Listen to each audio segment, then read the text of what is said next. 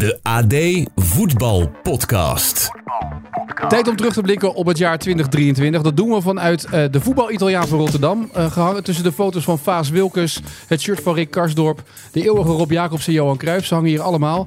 En dat doen we vandaag uh, met Sjoerd, Mikos en Maarten. De hele week blikken we terug op het jaar 2023 in een aantal thema's. Etienne Verhoef. Nou, het eerste thema dat we wel kunnen bespreken is wel het jaar van Ajax, toch? Of niet, 2023? Of het was eigenlijk niet het jaar van Ajax? Ja, beginnen we weer met Ajax? Ja, dacht het wel, ja. toch? Wil je, wil je over Feyenoord beginnen? Maar wat was er met Ajax dan?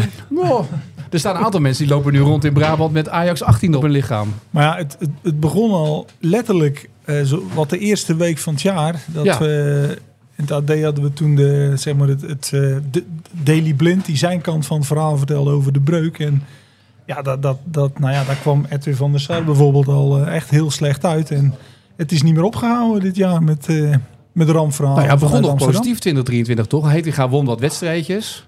Ja. ja, dat was toen nog de teneur. Hè? Ja. Dat, dat John Heitinga de, de grote redder uh, zou worden. Ja, het, het is een, een, bizarre optelsom van dingen. Je moet eigenlijk nog ietsje terug naar 2022 om het, om het beginpunt van, van alles te, te bepalen. Dat was natuurlijk met die, met die uh, beroemde dickpics. Ja. Februari 2022 kun je bijna niet meer voorstellen dat het vorig jaar was, in feite. nee. En toen was Ajax de, nou ja, een van de, de, de stijf bovenaan in Nederland. Uh, de beste trainer van, van Nederland, althans uh, op dat moment. Uh, in de Champions League ongeslagen. Nou, en nou ja, we, we, kennen de feiten. Ja. En sindsdien een soort clusterfuck. Hè? Het is een domino-effect geweest van, van, van, foute beslissingen. Maar hebben jullie ooit, Mikos, heb je ooit in al die jaren dat je nu in de journalistiek zit, zo'n enorme clusterfuck meegemaakt van een topclub? Nee, eigenlijk niet. En, en, en, elke keer denk je dat het ergste al achter de rug is. En dan, dan spelen ze 2-2 thuis tegen PEC. Ja. En de laatste wedstrijd voor, uh, voor de winterstop. Of de laatste competitiewedstrijd voor de winterstop. En ja, dan hebben ze daar weer wekenlang, uh, tot de eerstkomende wedstrijd, uh, hangt dat nog boven de markt. Dus ja, ik weet wel dat wij heel vaak vergaderden op de krant. En, en het idee hadden dat Ajax buiten de, de competitie leefde. Hè? Dus te sterk het uh, Bayern München van uh, Nederland zou het worden. Uh, ja, dan hadden ze weer eens met 8-0 of met 9-0 ergens gewonnen. En ja, wat had het voor Ajax nog voor zin? Je had nooit kunnen denken dat het zo verschrikkelijk in elkaar zou klappen natuurlijk met zoveel geld. Je hebt één keer eerder gehad, dat is wel voor mijn tijd, althans in de journalistiek. Mm -hmm. Dat was natuurlijk zeg maar tussen 96 en 2000. Uh, in die periode ging het natuurlijk bij Ajax ook van Ja. heel snel van, van Champions League finale naar helemaal niks. Maar toen was dat nog wel verklaarbaar met een soort identiteitscrisis. Hè? Want dan gingen ze naar het nieuwe stadion, naar de arena. Uh, de beursgang, alle complicaties die, daar, die daarbij kwamen. Dit was gewoon echt een kwestie van twee of drie poppetjes die van positie wisselen. Ja. En opeens dondert de hele bende in elkaar. Dat is wel fascinerend hoe dat kan. Maar dat dus op zoveel, op twee of drie poppetjes samenhangt, is eigenlijk wel en dat het dus dan zo hard gaat, hè? Ja, maar het geeft maar weer aan dat het uiteindelijk toch op mensen aankomt. En als je nou ja, mensen dan spreekt, dan, dan is het toch echt heel veel terug te leiden op de, de, vaak de besluiteloosheid van Edwin van der Sar. Die echt in, in allerlei dossiers dingen op zijn beloop heeft gelaten. Uh, halve beslissingen maakte, late beslissingen maakte, geen beslissingen maakte. Ja, dan, dan zie je dat, dat, dat, dat, dat het een soort, een soort, hoe zeg je dat? Een soort vliegwiel wordt wat, wat versterkend werkt. En op een gegeven moment, ja, laatst... Um, en nu zijn ze weer aan het wederopbouwen, maar ja. um, betrokkenen schetsen dan een beeld dat het, dat het wel twee jaar kan duren eer de hele organisatie weer um, uh, prestatieproef is. Dus zeg maar niet alleen het eerste elftal, maar ook de jeugdopleidingen en, en het voetbal van Ajax en, en hoe er gescout moet worden en hoe er op allerlei vlakken. Dus moet je eens over nadenken. Dat is. Uh, het is, het is, is heel lang. lang natuurlijk ook. Uh, Maarten heeft het over Van de Sar. Uh, dat, dat hoor je inderdaad heel veel terug. Maar dat is natuurlijk heel lang gecamoufleerd. Door, door een hele goede trainer. Ja. En een, een, technisch manager die, die, boer, die daar boeren slim perfect bij paste. Een vlucht naar voren als het gaat om salarissen is ook niet onbelangrijk geweest. Nee. Um, en um, dan is eigenlijk, dat zie je ook dan weer bij een voetbalclub. En bij Feyenoord heb je eigenlijk het tegenovergestelde de laatste twee jaar een beetje gezien dat als je op die voetbalposities de, de, de, de goede mensen hebt, dan, dan gaat alles naar de achtergrond. En gaat het daar mis, ja, dan staat ook gelijk dan weer de hele club in brand. En dan zie je ook opeens alle tekortkomingen weer heel duidelijk. En dat is denk ik ook bij Ajax geweest. De, sportieve successen hebben ook heel veel gecamoufleerd. Ik zit hier, we zitten hier onder toezicht oog van Johan Cruijff. Ik moet gelijk maar even denken, want die hangt hier boven aan de muur. Het was de Cruijff-revolutie waardoor voetballers aan de macht kwamen bij Ajax. En Van der Sar als directeur toch Hè, dat was de nieuwe weg van Cruijff eigenlijk. Had de Cruijff University gedaan. En dit is dan de weg om het te doen.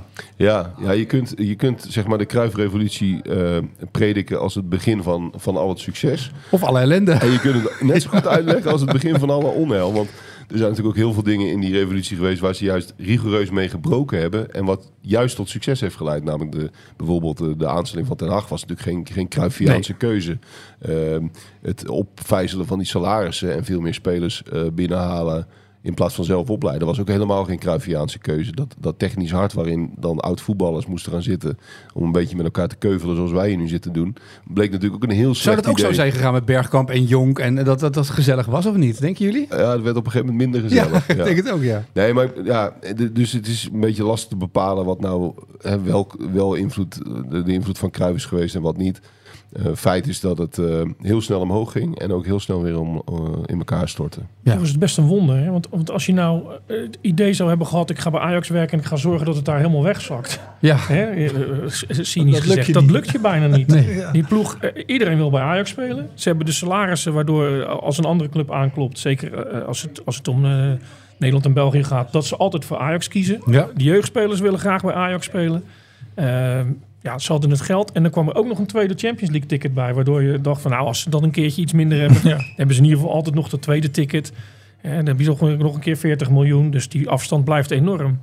Maar ze hebben alles, eh, alles weggegooid. ja, en is die Duitser Mislintat, is dat nou een prutser of niet? Want dat is een beetje wat ook een beetje de tendens is toch ondertussen, na dit jaar? Ja, je kunt in dat soort terminologie praten, maar het was natuurlijk ook vooral de verkeerde man op de verkeerde plek. Op het verkeerde moment. Ja, precies, ja. Ja. ja. Kijk, in een bepaalde voetbalorganisatie had hij misschien best kunnen functioneren. Moet ook niet net doen alsof het een soort gek is. Ja, maar Tadic zei, hoe kan, een, hoe kan je als Nederlandse club nou een Duitser de macht geven over je technisch beleid? Ah, ja, dat, dat, dat ze hem alle sleutels hebben gegeven Ja. op zo'n belangrijk moment. Hè, want alles moest worden veranderd eigenlijk.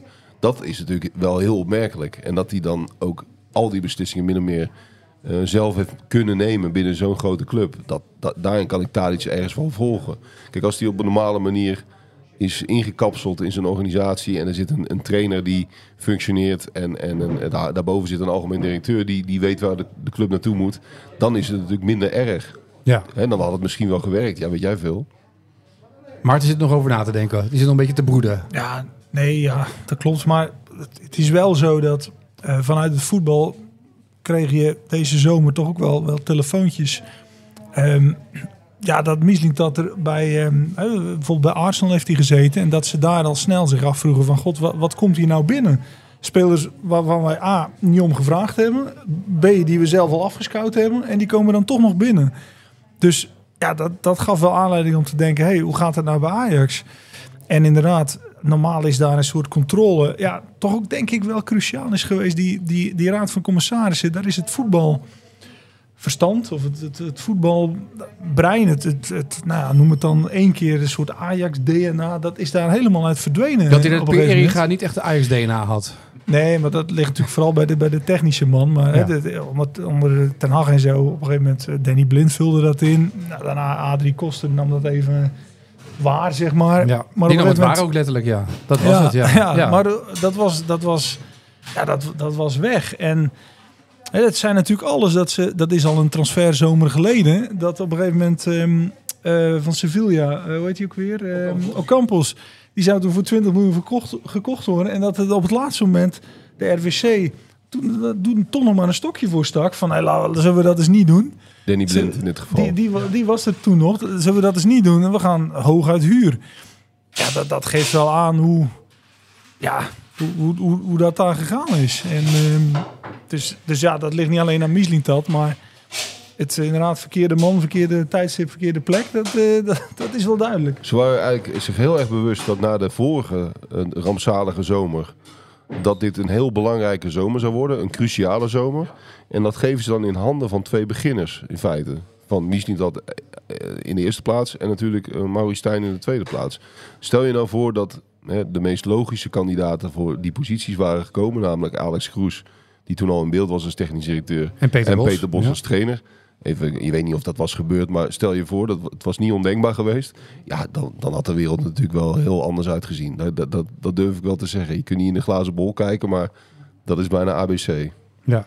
Eh, Want is het ooit gebeurd dus dat... kom je toch ja. bij Van der Sar ook mede uit, die, Ja, die Absoluut. daar een, een rol in heeft gespeeld dat dat anders is gelopen.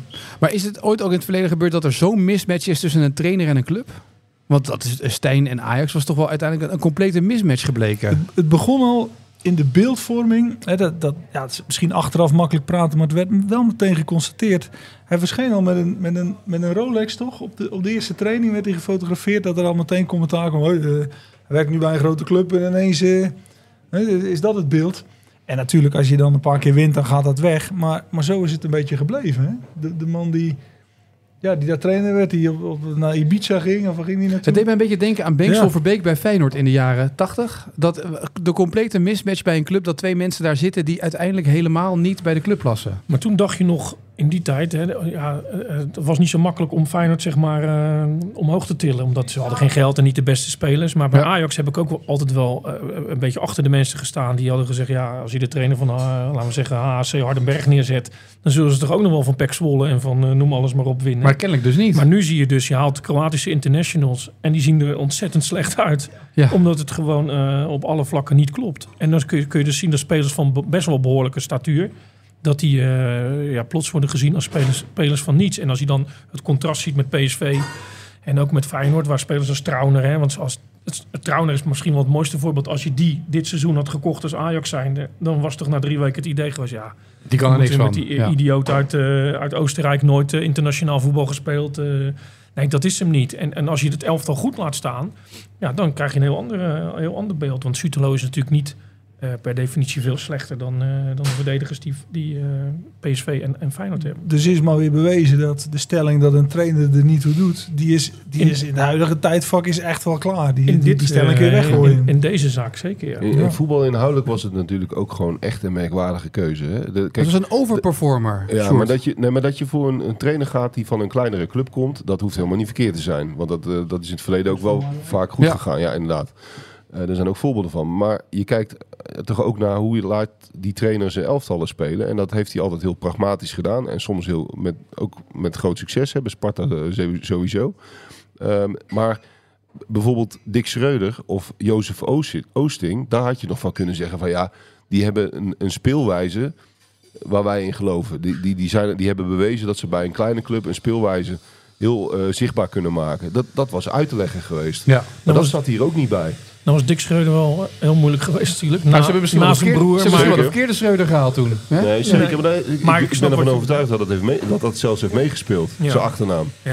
Maar dat- bij Alfred Schreuder dacht je toch, want dat is ook natuurlijk een mismatch gebleken uiteindelijk. Maar die hebben ze zelfs intern al gehad, dus ze wisten wat ze in huis hadden. Maar daarvan dacht je toch, nou, die trein blijft wel rijden. hè? En die trainer gaat dat wel. eh, Dus het is ook niet altijd even makkelijk. Alleen bij Stijn wist je van tevoren wel dat het een, dat het een twijfelgeval zou zijn. Omdat inderdaad zijn manier van voetballen niet bepaald eh, overeenkomt met de manier van voetballen waar Ajax voor staat. Ja. Maar als dit nou twee jaar duurt, hè, zoals sommige mensen wel roepen van voordat Ajax weer terug is. Je ziet aan de andere kant bij PSV, het kan ook binnen een jaar allemaal anders zijn natuurlijk.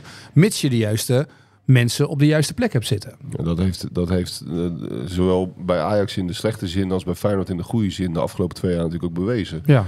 Dat als je twee cruciale poppetjes eh, goed neerzet, dat dat een wereld van verschil kan maken. Dus. Alex Kroes komt nu binnen. Maar eh, wie is dan het ideale poppetje voor die trainersfunctie? Nou ja, ik, ik, dat is een beetje wat, wat je ervan terug hoort. Ehm, ook eh, vanuit zeg maar de mensen die het kunnen weten.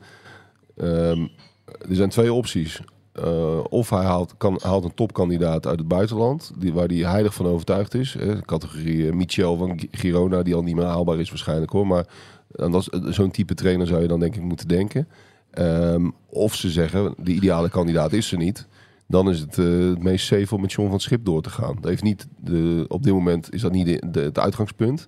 Maar je moet natuurlijk niet in de situatie komen dat je, zoals afgelopen zomer, dat je eigenlijk voor een soort, ja, dan maar een alternatief kiest. Van we gokken maar op, eh, in dit geval Maurice of eh, een, Maurice Je moet 2. een zekerheidje hebben. Ja, je moet er echt van overtuigd zijn dat je een trainer binnenhaalt die jou beter maakt. Zoals Feyenoord destijds Slot gehaald heeft, zoals PSV nu Bos gehaald heeft. Die overtuiging moet je hebben, want anders ja, dan ben je weer aan de goden overgeleverd. En in het opportunistische voetballandschap, als ze van Bodo Glimt verliezen, Ja, dus van het schip kan er ook niks meer van, Nee, zou je zeggen. Ja, dat, dat zou voor Van Schip natuurlijk... Een, maar nemen ze dan meteen die trainer mee die ze toch eigenlijk al wilden Knutsen, hebben? ja, die wilde ze eigenlijk hebben toen, hè? En Ja. is, is het dan, zijn mensen dan die? overtuigd? Niet wat. Ja. Maar als, als, dan moet jij wel daar eh, de, de clubwatcher leggen. gaan worden. Want jij moet wel een zakdoekje leggen. Nee, maar ik bedoel, er dat was veel weerstand tegen hem. Ja. En dat begrijp ik ook wel. Als je uit Noorwegen komt, kom je niet zo makkelijk volgens mij bij een, eh, een topclub. Zomaar eh, heb je niet alle sleutels zomaar in handen zoals, eh, zoals dat bij je eigen club in, in Noorwegen is. Maar ja, het is best opportunistisch. Stel, hij schakelt Ajax uit. Zouden de mensen die dan twijfelachtig eh, reageerden in de eerste instantie nu denken... ja, nou, Stijn was het ook niet. John van Schip, ja, dan weet je wat je krijgt. Maar daar gaan we ook de top niet mee bestormen waarschijnlijk. Eh, laten we hem dan nemen. Ik weet het niet. En als Ajax, als Ajax die ploeg twee keer afdroogt, wat ook niet uitgesloten is, dan wordt hij het sowieso niet natuurlijk. Het zou Nee. natuurlijk wel een stunt zijn. Dat je Knoets gelijk daar binnen Nee, houdt. nee, nee. het, het zal, ze zullen het niet doen. Maar ja, er is, eh, wat is inmiddels alweer twee jaar geleden, na het eerste seizoen van Slot, hebben ze echt gedacht en is besproken intern van, ja, eh, we gaan nu, we rijden naar Slotse huis, we doen hem zo'n kolossaal aanbod dat hij niet kan weigeren. En dan komt hij toch naar ons. Nou ja, dat wil ik eigenlijk zo die topkandidaat waar Sjoerd het net over had. Ik bedoel, we hebben- Nou ja. Hugo heeft ook een paar keer al geroepen in de podcast, hè, in het verleden. Ja. Slot, eh, ideale man Maar bij goed. Ajax. Kan dat nog? Nee joh, Bos, kan je Bos nog losweken bij kan, PSV? kan niet meer. Dat zal Nee. niet meer lukken. Gepasseerd station. En bij Bos is het niet zo dat hij voor zijn leven moet vrezen. En, en, maar bij Slot, bij Slot slot wel. zit het daar niet ver van af. Nee, hè? natuurlijk. Ja, ja, dat klinkt misschien een beetje eh, dramatisch. Maar de trainer, de trainer van Feyenoord naar Ajax, terwijl ze het bij Feyenoord niet willen. Het lijkt me dat er wel een paar tussenstapjes eh, tussen moeten zitten voordat hij eh, vrolijk en rustig naar zijn auto kan lopen steeds. En, de- en dat is niet om, eh, ja, om oproep of zo te doen, maar je zag het aan Berghuis. Maar ik denk dat het bij Slot nog veel erger is als dat zo zou zijn. Ik denk ook dat hij het zelf nooit zou willen. Keurig net man die dat allemaal niet wil. Die gaat eerst in de Premier League of in, eh, in Duitsland werken. Of in Spanje. En als het daar eh, gedaan is, Ja. komt hij misschien terug. Ja, dan is het Ten Hag terug? Ook niet, hè? Ja, nou ja, Ja. eh, je weet het nooit hoe, hoe de wereld er over een half jaar uitziet. Ja. Maar dat zou voor Ajax natuurlijk de meest safe eh, keuze zijn. Ja. Kunnen ze nog veel eh leien als het gaat om eh, spelers eh, halen? Omdat ze toch best wel veel geld uitgegeven hebben afgelopen zomer ook weer. En dat, het, dat ze, als ze de Champions League niet halen, Ja. zullen ze wederom mm, toch op de centen moeten letten, toch? Nou, wat ze destijds gedaan hebben met Tadic en Blind, dat kunnen ze niet nog een keer doen. Nee. In, die, in die categorie. Met- Salaris dat, ook, dat salaris, Ja. eh, salarishuishouding. wel Ja, wel, dat, dat lukt nog wel. Maar met name de salarissen die ze toen heel bewust hebben opgekrikt. En wat ook eigenlijk de basis van het succes is geweest. Want het is een soort uitgemaakt, dat, dat bewijzen alle data ook. Hè. Het, het gaat er niet zozeer om wat voor transfersommen je betaalt. Het gaat erom wat voor salaris je betaalt. Wil je naar een hoger niveau? En dat kunnen ze, dat kunnen ze niet. Want Nee. dat, moet, dat was een van de opdrachten van Mistin dat al afgelopen zomer. En dat, dat moeten we hem ook wel eh, als een verzachtende omstandigheid meegeven. Hij moest echt heel grondig snijden in de salarissen. Dat Ja. was gewoon niet vol te houden. Dus dat Tadic weg moest, was niet eens alleen een voetbalkeuze. Dat was gewoon een voldongen feit. We kunnen geen salarissen meer betalen van, wat was het, 4 Maar, miljoen of zo. ja, Ja. Maar, maar daarom is het ook niet zomaar opgelost. Misschien dat belt ondertussen nu om nog even toevoeging Ja. eh, te- Maar, tekst da- uitleg te ja, geven. maar daarom Ja. is het ook niet zomaar opgelost. Nee. Daarom dat je natuurlijk een heleboel spelers nu hebt, die moet je eerst nog kwijt. Dan wil je inderdaad iets beters terughalen, maar dan zit je inderdaad in de salarissfeer. Ja joh. Manche- Manchester United uh, taferelen zijn Ja, bijna Ja, wel, hè? ja. Dat is wel een beetje wat het verhaal is, Nou, ja, toch? op een heel andere schaal Ja. is dat ook echt het probleem van United. Dus je kunt allerlei mooie plannen maken. Maar als al die jongens gewoon lekker blijven zitten, dan heb je niet zo snel opgelost. Maar voor Nee. veel mensen is dat onduidelijk. Hè? En ik hoor bij Feyenoord ook wel eens, ja, Ueda zit op de bank, Seruki zit op de bank, Ivanovic zit op de bank. Dat is drie keer, eh, simpel gezegd, 8 miljoen. Waarom hebben ze niet in plaats van die drie eentje van 24 gehaald? Want dat Ja. bedrag is er. Dat kan natuurlijk. Je kan dat wel neerleggen voor een speler. Alleen dan moet je ook 6 miljoen salaris eh, Precies. betalen. Ja. En, dat, en dat, eh, dat zou natuurlijk ook nog kunnen als je, daar, eh, als je daarvoor kiest. Maar ja, dan heb je natuurlijk wel de volgende dag eh, de rest van de selectie op de stoep. Ja, die willen ook allemaal meer ja, dan. maar Ja. ik zit rond een miljoen. Want eh, dat is natuurlijk bij Ajax ook gebeurd met jeugdspelers die naar drie ton zijn gegaan, Ja, bij wijze van absoluut. spreken. Ja. En dus die, dat hele salarishuis is Dus je natuurlijk kunt het compleet. alleen doen als je, als je een speler binnenhaalt waarvan iedereen ervan overtuigd is dat hij ver boven, boven de partijen staat. Ja. Nou ja, dat, dat is bijna onmogelijk. En, en dus, eh, voordat het opgelost is, één. Want als Ajax natuurlijk geen Champions League haalt volgend jaar. eh, die eerste twee plekken, die gegarandeerde plekken, dat wordt is bijna utopia, willen ze dat halen. Dus dan moeten ze echt hopen voorronde Champions League, eh, derde plek. Dat zou ongeveer eh, het hoogst haalbare zijn. Maar als ze het niet halen, Champions League, komt er weer zo'n gat in die begroting natuurlijk te Ja, zitten. ja. Dan dat- moeten ze weer gaan snijden. Ja, 40, 50, 60 miljoen wat je dan misloopt natuurlijk. Ja. Ik, was, ik was mij even ontgaan dat de derde plek voorronde Champions League is. Maar dat is natuurlijk Ja, zo. dat is Ja. zo. Ja. ja, dat is waarom eh, Twente en AZ zo enorm Nee, daarom dat, dat is hun reddingsboei. Ja. Alleen, ja, als je dan PEC, eh, tegen PEC ziet de wedstrijd, dan, Ja, dan, dat, ja, dan dan gaan ze nog een paar van dat soort uitketsers gaan ze wel hebben. Ja. Dus al- als we praten nu, hè, in een situatie zoals er nu ligt. Ja. Dus ja, dan wordt het ook moeilijk. Ja. En zou je nou, als je dan nu eh, nou ja, eh, tijdelijk de technische man bent, zou je in die transferperiode proberen nog te herstellen wat er te herstellen valt? Of is het uitzingen met deze groep en dan maar volgend jaar echt verder gaan, eh, gaan werken eraan? Nou, kijk, als je stel dat je bergwijn kwijt kunt eh, aan Saudi-Arabië, Ja, wat natuurlijk voor Ajax een fantastisch scenario zou zijn, laten we eerlijk zijn. ja. Ja, dan, dan kun je links en rechts nog even wat herstellen. Hè. Dan kun je zeggen van nou, we halen een, een betere linksback eh, met iets meer zekerheid. Maar heel veel meer zou ik niet doen. Ik, eh, dat, het is in de winterstop bijna altijd zijn het noodgrepen. Ehm, dan zou ik... eh, Dan zie je dan weer de komende jaren aan vast. Of je hebt een half jaar Ja. iemand waar je niks aan hebt Ja, eigenlijk, omdat die dus moet fit kijk, worden. Je, je, je kunt nog denken. ehm, PSV heeft ook eens een seizoen gehad, 2013, 14. Het eerste seizoen Mhm. onder Cocu. Toen stonden ze in de winterstop slecht. Stonden ze begin, in december stonden ze 12 of zo. En toen hebben ze in de winterstop eh, Brian Ruiz gehaald. Ja. En het is niet dat, dat Brian Ruiz nou zeg maar een soort leider was die alles met elkaar verbond. Maar, maar die, heel simpel, die maakte doelpunten. En die, die schoot er dus uit een eh, slalom, schoot iedereen in. En toen hebben ze een hele reeks van wedstrijden gewonnen. Kwamen ze nog best di- dicht in de buurt van, eh, van de bovenste plaatsen. En ja, dat, dat was een soort, een soort ja, noodgrip in de winter wat heel goed uitpakte. En, ja, en PSV heeft ook wel eens Ricardo Rodriguez gehuurd. eh linksback toen van AC Milan. Ja, soms, soms kan dat een elftal helpen. Maar ehm, je, je moet niet denken dat je in de winterstop inderdaad een, eh, een, een, een soort Maradona binnenhaalt voor, ehm, voor, voor niks. Dat, dat, dat, dat lukt niet. Nee. Isaac, Willem II. Nou ja, precies. De Ja. Willem II hebben we van het week nog aangehaald, hè? Inderdaad. Dan moet je echt heel veel geluk hebben en, en dan moet het goed uitpakken. Het is natuurlijk de eredivisie, blijft ook de eredivisie natuurlijk. Ja. Dus eh, daar kan een jonge speler best wel eh, een sensatie in zijn. Maar kijk, als je aan Donny van der Beek en zo denkt, ja, dat zijn weer spelers die nooit spelen. Nee. Dus Nee. dan maakt het weer moeilijk. Maar wie moet de onderhandelingen dan doen? Want Huntelaar zit ziek thuis. Alex Kroes die mag nog niet beginnen. Die mag pas in, ma- in maart ergens beginnen. Die is op een wereldreis. Jan van Alst. Moet Jan van Halsten doen samen met John van Schip.